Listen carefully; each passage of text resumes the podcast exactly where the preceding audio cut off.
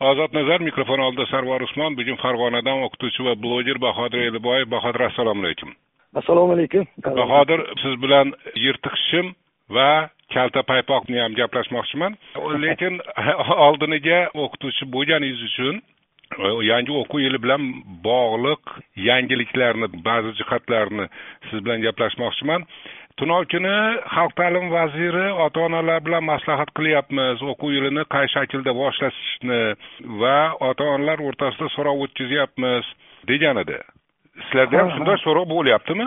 Ha. Shaxsan siz qatnashdingizmi? shaxsan men qatnashganim yo'q. Hali yuz foiz o'qituvchi emasman. Repetitorligini hisob qilsa o'qituvchiman. Ha yo'q endi bir yil oldin bir yil oldin litseyda litseyda ishlaganingizni bilamanda o'qituvchilik qilganingizni ha ha ha to'g'ri to'g'ri to'g'ri anketani ko'rdim shunaqa so'rovnomalar o'tkazilyapti televizorda ham pastiga yozib qo'ygan an'anaviy usulmi yoki onlayn usulmi? degan savollar bor. Keyin u anketada yettinchi sentyabrdan boshlaylikmi o'n to'rtinchi sentyabrdan boshlaylikmi yigirma birinchi sentyabrdan boshlaylikmi maktabga kelsinmi nima qilsin har xil savollar berilgan. Ya'ni ta'lim tizimi aholidan shunaqa mazmunda so'rovnoma olyapti. Sizni fikringiz qanday? Endi mani fikrim qachon bo'lmasin boshlash kerakda chunki an'anaviy usulda boshlash kerak. Onlayn u darajada o'zini oqlolmayapti. Nimasi bilan oqlay olmayapti? Endi bilasiz ba'zi ishlarda amaliyot ko'proq foyda beradi ba'zi fanlarda amaliyot orqali o'rganiladi keyin onlaynda hammada ham telefon smart e, androidlari yoki smartfonlari yo'q. Internetga imkoniyati yo'q. Keyin e, ta'limni yana bir jihati borki nazorat deyiladi. U biz onlayn o'qituvchi onlayn darsni beraveradi. Lekin narigi tomonda o'quvchi uni ko'ryaptimi uxlab qoldimi yoki umuman boshqa joyda o'ynab yuribdimi nazorat degan qismi so'roq ostida qolyapti. Hech kim bilmaydi. U rostdan ham o'sha onlayn darsni qabul qilyaptimi yo'qmi? Kafolat yo'q. Bundan tashqari olgan bilimini tekshirish mexanizmi ham hali yo'qqa o'xshaydi. Yo'q endi tekshirish mexanizmini qandaydir usulda amalga oshirishyapti. Haligi uyga vazifani o'qituvchi ota onani telegramiga tashlab beradi yoki telefoniga tashlab beradi. Ular kechqurun keyin e, nima ekan nima yo'q deb rasmiyatchilik uchunmi xo'ja ko'rsin uchunmi tashlab berishyapti. Endi bu bordir haqiqatdan ham o'sha onlaynni kuzatib borib o'qiyman deganlar ham bordir. Lekin bu juda kam foizni tashkil qilyapti. Ha yaxshi. Kechagi yangilik. Ikkita vazirlik. Sog'liqni saqlash vazirligi xalq ta'limi vazirligi bilan yangi o'quv yilini tashkil qilish bo'yicha qo'shma qaror loyihasini ishlab chiqibdi. O'sha pandemiya sharoitida yangi o'quv yilini boshlash masalasida. U yerda bir qator tavsiyalar berilgan. Masalan o'sha tavsiyalardan biri bundoq sinfxonalar sharoitini o'quvchilar orasida masofa saqlanishiga moslab qayta ko'rib chiqish deydi. E, bu degani virusdan saqlanish uchun bir yarim ikki metr oraliq kerakku. Har bir o'quvchini orasi bir yarim ikki metrdan bo'lsin deganida endi. O'qituvchisiz litseyda ishlagansiz boshqa maktablarni ham bilasiz. Sinfxonalarni shu sharoitga keltirish mumkinmi? Bu imkonsiz aka. To'g'risini aytib qo'yish kerak buni chunki kelajakni ta'limi haqida gap ketyapti kelajak yoshlar haqida ketyapti. Aldash kerak emas. Man o'sha ta'lim vazirligiga ham sog'liqni saqlash vazirligiga ham to'g'ri ishlashni tavsiya qilaman. Xuddi bir fuqaro sifatida. Tasavvur qiling bitta sinfda o'ttizta bola o'qiydi. O'zi e, oxirgi payt viloyatda nechta yangi maktab qurildi? degan savol hali javobini topgani yo'q. Endi ming kishilik mingta kontingentlik bir e, maktab o'rtacha hisobda. Demak e, o'sha mingta o'quvchiga moslashtirilgan sinflar bu. Endi bir yarim metrdan o'rtada masofa tashlaydigan bo'lsak sinf kerak bo'ladi. Qo'shimcha e, yana shuncha sinf chunki ikkiga bo'lish kerak bitta guruhni uchga bo'lish kerak. To'g'ri kelib qoladida. Bu degani yana bitta ming ming kishilik joy bo'lishi kerak ularni yarmini bu yoqqa olib o'tish uchun. Lekin uni iloji yo'q. Unaqa chunki bino yo'q parta yo'q stul yo'q. Bino yo'q deganingizga qo'shimcha ma'lumot shu yerda keltirib o'tmoqchiman. Milliy tiklanish partiyasini liderini kechagi bayonoti bo'yicha joylarda uchta maktab o'quvchilarini bitta maktabda o'qitish holatlari ham uchrayapti bu e, partiya raisi alisher qodirov alisher qodirovni gapi. Ba'zi joylarda xuddi o'sha alisher qodirov aytganidek maktablar binolar yetishmayapti. Endi o'zingiz o'ylang bitta sinfda bir amallab o'ttizta o'ttiz beshta ba'zi joylarda qirqtacha bola o'tirardi oldin. Pandemiyadan oldin. Hozir endi ularni orasi bir yarim metr radius qilib qo'yadigan bo'lsa bu degani kamida yarmini qilish kerak degan boshqa sinfdan ham o'zini o'quvchilari bo'lib ulardan ham yarmi chiqqan tashqi koridorda turibdi. Ularni qayerga joylash iloji yo'q bu narsani. Hal qilib bo'lmaydigan masala. Ha bu bu yo'q balki hal bo'lar lekin bu bir kun bir oy ikki oyda hal bo'lmaydi. Qo'shimcha bino qurish kerak. Misol o'sha martdan boshlangan pandemiyada agar qaror qilishganda balki sentyabrda har bir maktab e, hovlisida yana bir ikki qavatli qursa bir bilmayman endi man. Besh yuzta o'quvchiga joy tayyorlash mumkin edi. Agar o'shanda qurilish boshlanganda bahodir yangi qurilish haqida gapirarkansiz. Milliy tiklanish partiyasi liderini bayonotidan yana bitta parcha keltiraman. Demak o'sha kishini hisoboti bo'yicha hududlarda qurilishi boshlangan maktablarning deyarli to'qson foizida ish to'xtab qolgan. Bir ming to'qqiz yuz o'n to'qqizta umumta'lim maktabini qurish rekonstruksiya qilish mukammal ta'mirlash va jihozlash uchun ajratilgan mablag'ning qirq bir foizi sarflangan xolos. Mana ahvol qanday? Mana shunday sharoitda ikkita vazirlik sinfxonalarni masofa saqlanishiga moslab qayta ko'rib chiqishni talab qilyapti. Ana shu vazirlikni bir rishtongami mayli bir farg'ona tarafga chaqirib kelinglar akalar yerda choyimiz bor deb bir qorni to'yg'izib qishloqlarni maktablarni bir aylantirishim kerakda. Hojatxonalarni ko'rsatish kerak sinfxonalarni ko'rsatish kerak. Bir ko'rsatib mana endi mana holatni ko'rdilaring endi borib qaror chiqaraveringlar deyish kerak shekilli hojatxona dedingiz hojatxona masalasi ham alohida masala. Ikkita vazirlik yunisefni tavsiyalari bo'yicha ishlab chiqqan qo'shma qaror loyihasini o'sha yunisefni o'zbekistondagi vakolatxonasini hisobotida aytilishicha o'zbekistondagi maktablarning o'n uch foizida o'quvchilar qo'llarini sovun va suv bilan yuvish uchun zarur sharoitga ega emas. Ya'ni sakson yetti foizida sovun va suv bilan yuvish uchun zarur sharoiti bor ekan. Nimaga kulasiz?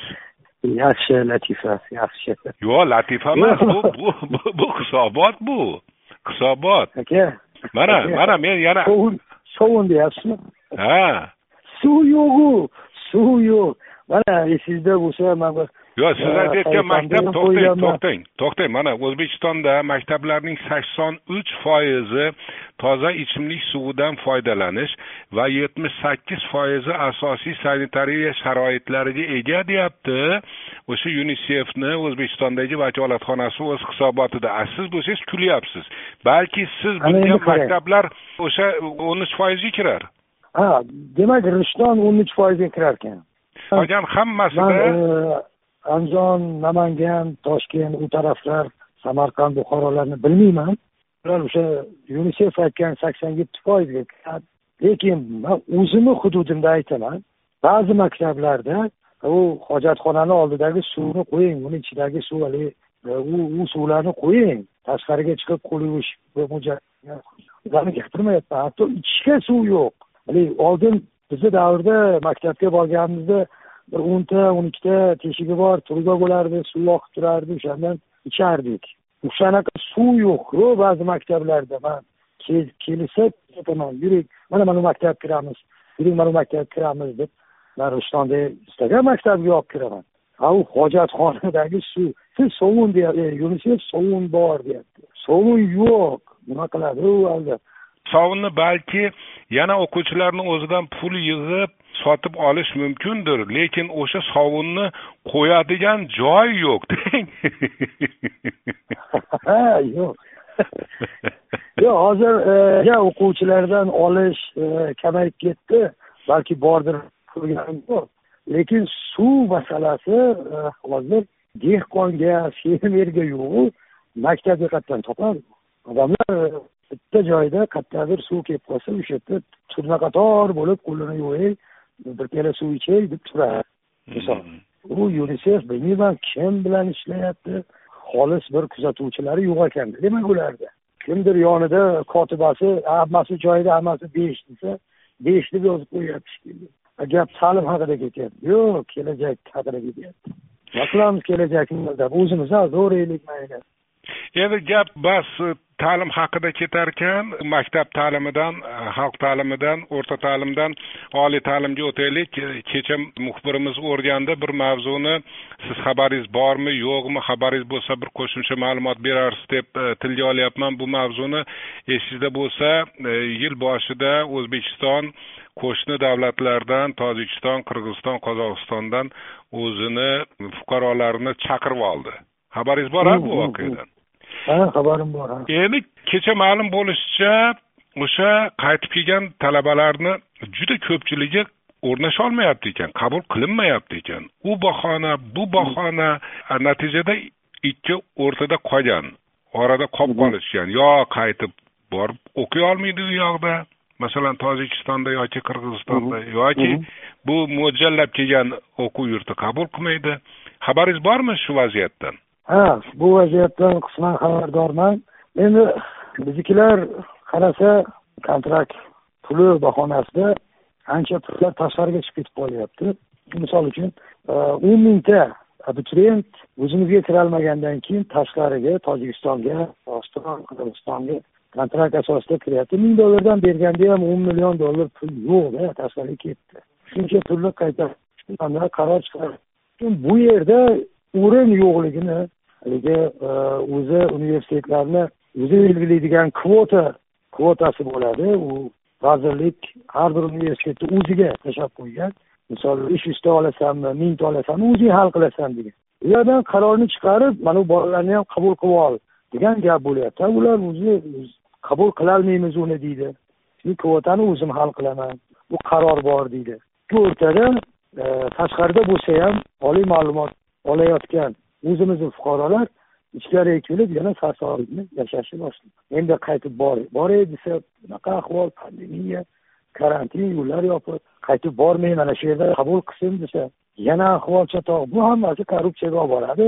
Oliy ta'lim sekin soqasini olib tanish bilish qilib talabalarni o'qishga qabul qilaveradi. Endi bu juda katta mavzu. Bir necha ming yosh yigit qizlar o'qishi bilan bog'liq masala. Shu masala mahalliy televideniyada markaziy televideniyada muhokama bo'lganiga hech bir guvoh bo'ldingizmi? Mana shu mavzudami ha. Yo'q men guvoh bo'lmadim balki bu masala ko'tarilgandir. Man ko'rmay qolgandirman lekin man ko'rganim yo'q. O'tkazishgandir bu masalada bir narsalar. Man o'zim shaxsan guvoh bo'lganim yo'q. Yoshlarni kiyinish madaniyatiga oid ko'rsatuvni ko'rdingizmi? Bilasizmi man juda televizor kam ko'raman lekin u ijtimoiy tarmoqlarda aynan o'sha qismini keltirilgan qismi va butun qismini ko'rdim. Kechadan beri bo'layotgan trendga chiqqan mavzuni aytyapmanda o'sha suhbatimizni boshida aytganim kuldingiz kalta paypoq yirtiq shim mavzuyi. Endi gapiradigan boshqa ko'p mavzu boru. Nimagadir biznikilar faqat kiyinishga boshqaga tarayibdi nimani o'yladingiz? Shu muhokamani ko'rib to'lig'ini ko'rmabsiz o'sha parchalarini ko'ribsiz o'sha parchani ko'rarkansiz nimani o'yladingiz endi misol man mana bitta uzum yesam mani ustimdan kulish kerak emas chunki uzum bor xolosda manda u kalta paypoqni ham man o'zim to'qib olganim yo'qda e, tikib olganim yo'q. Uni shu yerdagilar shuni chiqarishyapti. Mana shu narsa e, iqtisodda shunaqada u ma'naviyatni o'ylamaydi. Biznes shunaqa ketyaptimi sotaveradi. O'zimizni tikuvchilar o'sha narsani chiqarishyaptimi sotib olishyaptimi? Bo'ldi unga ochiqcha gapirish kerak emas. Mana misol qadimgi rimni o'sha qadimgi davrni misol keltirishyapti qadimda ham oliy nasablar e, mahsulotni zo'r zo'rini yeb qolgan qutgan haligi burchak e, chekka chekka joylarni yig'ib unni ham oqni unni yumaloq qilib haligini ustiga qo'yib bir narsalar pishirib uni nomini pitsa deyishdi misol.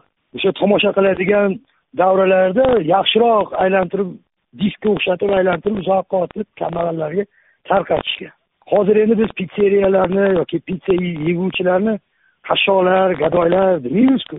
Ya'ni u paytdagi holat bilan hozirgi paytdagi holatni taqqoslash kerak emas. Bu shu qadar hayot mamot masalasimiki o'sha kalta yo'q mana shu markaziy agar buni televiziyada qarang. Agar biz nuqtai nazaridan olsak musulmon nazar tizzadan pasti o'g'il bola uchun avrat hisoblanmaydi. Endi u ya kalta kiyadimi uzun kiyadimi u nimasi yo'q uni? U kiymasa kiymasligi ham mumkin hech narsa.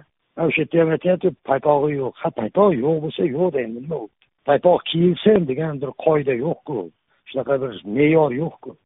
Yo'q endi o'sha o'sha yerdagi ekspertlardan uni ishi uni shaxsiy ishi. ko'rsatuvni ekspertlari kalta paypoq kiyganlarni yoppasiga geylarga o'xshatishi labini botoks qildirgan qizlarni yoppasiga cho'chqaga o'xshatishi. Men tushunmadim. Bilasizmi biz o'zimizni o'zimiz e, keng deyishni o'rganganmizda faqat bu tilimizda. Biz tilimizda rostdan ham bag'ri kengmiz. Biz o'zimizcha qandaydir o'zimizdan bir idealni yasab olganmizda o'sha ideal bo'yicha fikrlaymizda. Aslida o'zimizga qarab fikrlamaymiz. Bag'rikenglik yo'q deganida bunaqa fikrlarni beradigan odam. A kiyibdi kiyibdi u nima qilibdi hech narsa qilgani yo'q kiyibdi o'zini badaniga kiyibdiyu mani badanimga majburan kiydirsa unda ha bu haligi shaxs daxlsizligi putur yetyapti desak uni muhokama qilish boshqa bu yerda shuncha muhokama qiladigan narsalar turib birovni oyog'igayu birovni labiga qarab nima keragi bor? Nima uchun? Albatta gey bo'lishi kerak. Men shuni tushunmadim. Nima uchun? E, bu qadar mahov qilib ko'rsatilyapti geylar stigma yopishtirilyapti. Bilmayman o'sha paytda uni og'ziga gey degan gap kelib qolgandi. Gey bilmayman endi u nimaga aynan shu so'zni ishlatdi. Lekin mamlakatda man bilmayman bir milliondan oshiq kalta paypoq kiyadigan bor milliondan oshiq jinsi kiyadigan bor. Bu hammasini yoppasiga gey deb bu odatda haqorat deb qaraladi. Ko'pchilikka nisbatan hurmatsizlik deb qaraladi. Endi ekspertlarni ba'zilari yosh ekan lekin ba'zilari hatto mendan katta bilishadi. Oltmishinchi yillarda masalan hozirgidek tor shimlar kiyilgan. Men akamni shimini e, tortib qo'yardim. Xuddi mahsini tortganday keyin yetmishinchi yillarda o'zimiz sochimizni yelkamizga tushirib yurdik. Maktablarda e, direktorlar lineyka chaqirib lineykada o'rtaga chiqarib izza qilishardi. Qaychi olib kelib sochimizni kesishardi keyin zamon o'zgardida mana hozir e, hech qaysi yosh sochini uzun o'stirmaydi. Bu vaqti vaqti bilan o'zgarib turadigan yoshlarni ermagi deb yengil qarab qo'ysa bo'ladiku nima uchun bu qadar agressiya? To'g'risi ulardagi agressiyani tushuntirib berolmayman. Chunki ularga baho berolmayman.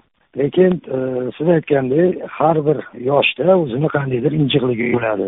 Haligi ruhiyatdagi o'tish davri bo'ladi. Bunaqa paytda ozgina yengilroq qo'yish kerak. Har narsadan cho'chish har narsadan xavfsirash kerak emas. Har narsa qonuniy ketyaptimi? Bo'ldi nima emaslik kerak. Qachonki qonun buzilsa yoki inson haqqi buzilsa unda gapirsa bo'ladi. Boshqa paytda e, keragi yo'q. Uni gapirib masxara bo'lishni ham keragi yo'q. Tamom farg'onadan o'qituvchi va bloger bahodir eliboyev edi. Rahmat sizga. Rahmat sizlarga